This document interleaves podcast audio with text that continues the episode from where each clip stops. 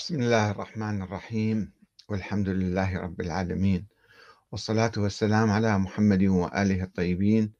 ثم السلام عليكم أيها الأخوة الكرام ورحمة الله وبركاته.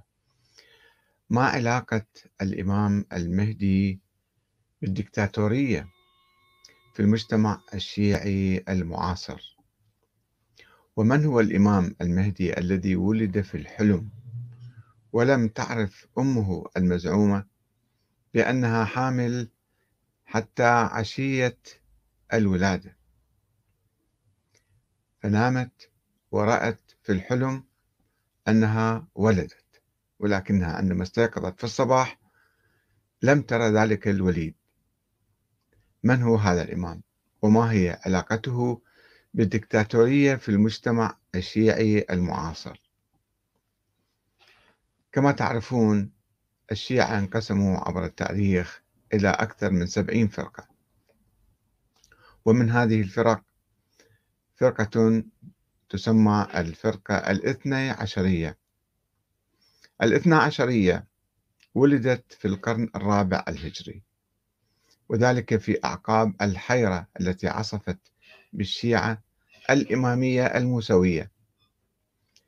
بعد وفاة الإمام الحسن العسكري دون خلف ظاهر ودون أي حديث عن وجود ولد له ولا أي حديث عن مصير الإمامة فتفرق شيعته إلى أربع عشرة فرقة ومنهم وقد تحدثنا عن ذلك كثيرا ومرارا آه، ولكنهم أطلقوا على ذلك العصر منذ أواسط القرن الثالث الهجري حتى العقود الأولى من القرن الرابع عصر الحيرة. وكتبوا كتب تحت هذا العنوان مثلا الشيخ علي بن محمد علي بن بابويه القمي كتب كتابا آه، في مطلع القرن الثالث الرابع الهجري قال فيه الإمامة والتبصرة من الحيرة. التبصرة من الحيرة أدت بهم إلى افتراض وجود ولد للإمام العسكري وعندما لم يروه ولم يره أحد قالوا أنه غائب. اعتمادا على قول رجل واحد اسمه عثمان بن سعيد العمري كان وكيلا للإمام الحسن العسكري في قبض الأموال في بغداد. وعندما توفي الإمام العسكري هو ذهب وعز أخاه جعفر الزكي. وهنأه بالإمامة أيضا ولكن بعد فترة اختلف معه أو اختلفت السلطة العباسية مع هذا الإمام آه، جعفر الزكي. فادعى هذا الشخص وطبعا أشخاص آخرون ادعوا أنهم وكلاء لولد الإمام العسكري الذي لم يره أحد وهم يقولون كان عمره خمس سنوات. فكيف أعطاه الوكالة؟ وكيف جعله نائبا خاصا له؟ آه، هناك غموض وشكوك آه، مريبة جدا. حول هذه الدعوة التي ادعاها عدد من الدجالين في الحقيقة. يبلغون عشرين أو أكثر من عشرين واحد كانوا يدعون أنهم نواب هذا الإمام الخاصين ويأخذون الأموال باسم هذا الإمام لكي يبعثوها إليه. آه هذا لا يهمنا كثيرا الآن لا نريد التحدث عنه وإنما نتوقف عند آثار هذه النظرية على الفكر السياسي الشيعي.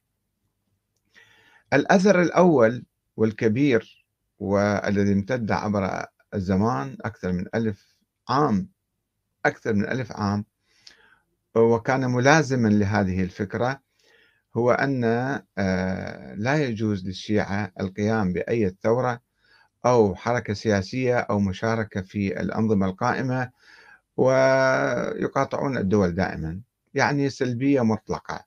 يجب أن يناموا وينتظروا الإمام المهدي هذا اللي المزعوم حتى يخرج ويملأ الأرض قسطا وعدلا بعد أن تملأ ظلما وجورا. هذا الفكر كان مخيم على المرجعية وعلى الشيعة خلال ألف عام كما قلنا لكم. طبعا قامت بعض الدول صدفة أو بالالتفاف على هذه الفكرة مثل الدولة الصفوية أو السربدارية أو القاجارية أو كذا أنهم التفوا دول أمر واقع صارت. ولكن علماء الشيعة كانوا يعتقدون أنها دول ظالمة وليست دول شرعية. حدثت ثورة أولى في هذا الفكر عندما ابتدع أو اجتهد بعض العلماء علماء الشيعة نظرية ولاية الفقيه. قالوا كيف إحنا نجلس ننتظر هذا الإمام بعد ألف سنة ألفين سنة أربعة آلاف سنة؟ ما ما خرج هذا الإمام ماذا نفعل؟ هل نظل ننتظر؟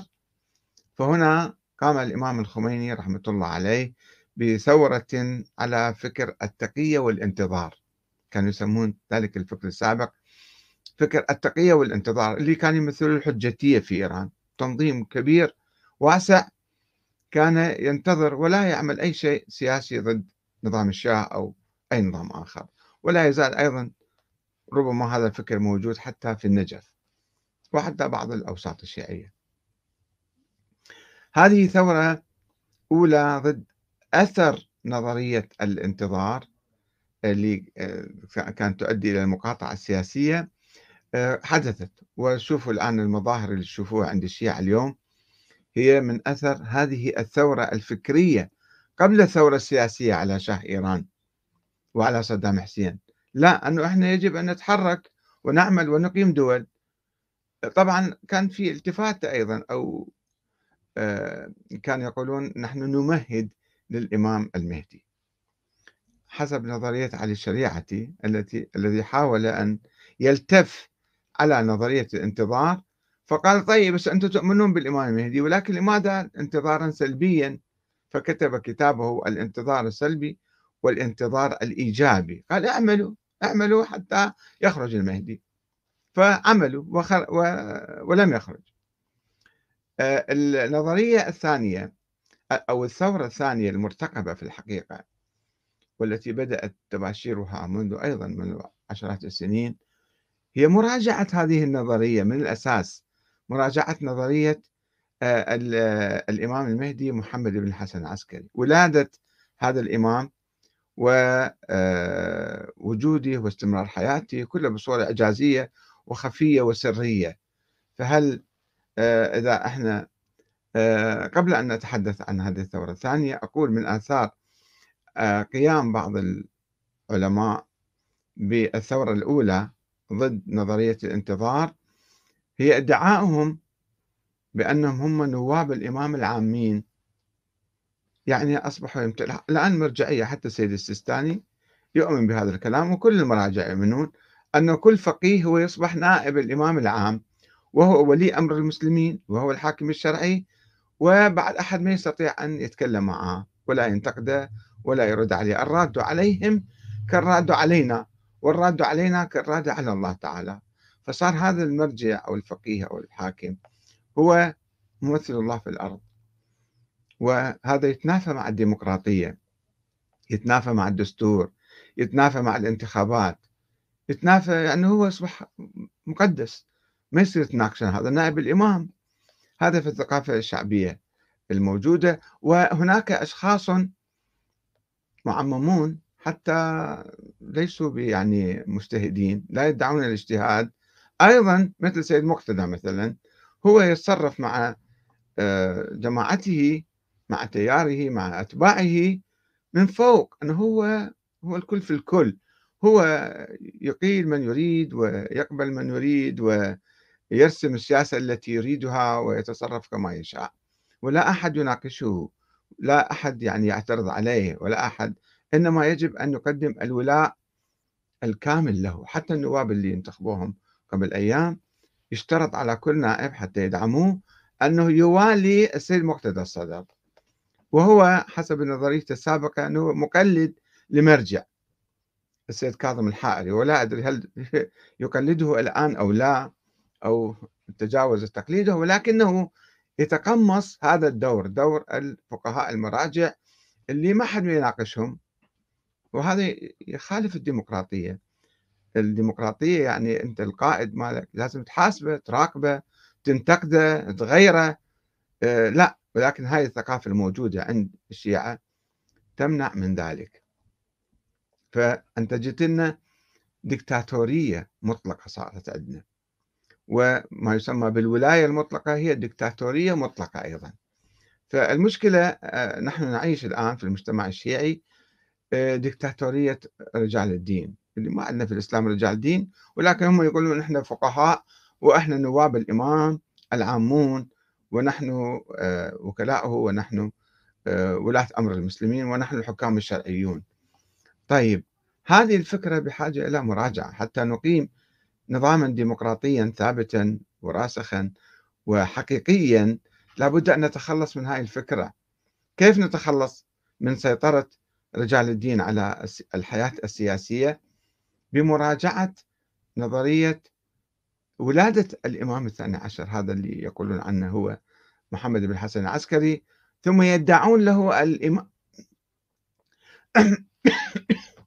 عفوا.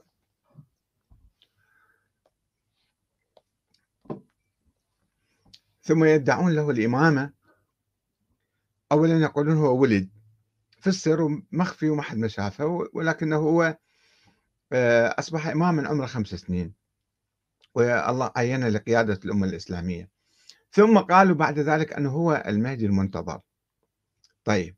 ثم قالوا أنه هو حي لا يزال. على أي أساس؟ لا توجد آية قرآنية ولا حديث نبوي ولا أحد شافه حتى يعرف أنه مات أو لم يمت. بعض الشيعة بالتاريخ قالوا أنه مات. ولكنهم قالوا لا هو حي بمعجزة من الله تعالى. كيف معجزة منو شافه حتى يقول هذه معجزة ف ومنو شافه حتى يقول أنه أعطى نيابة عامة للفقهاء الشيعة هذول نواب عامين له. كلها فرضيات في فرضيات.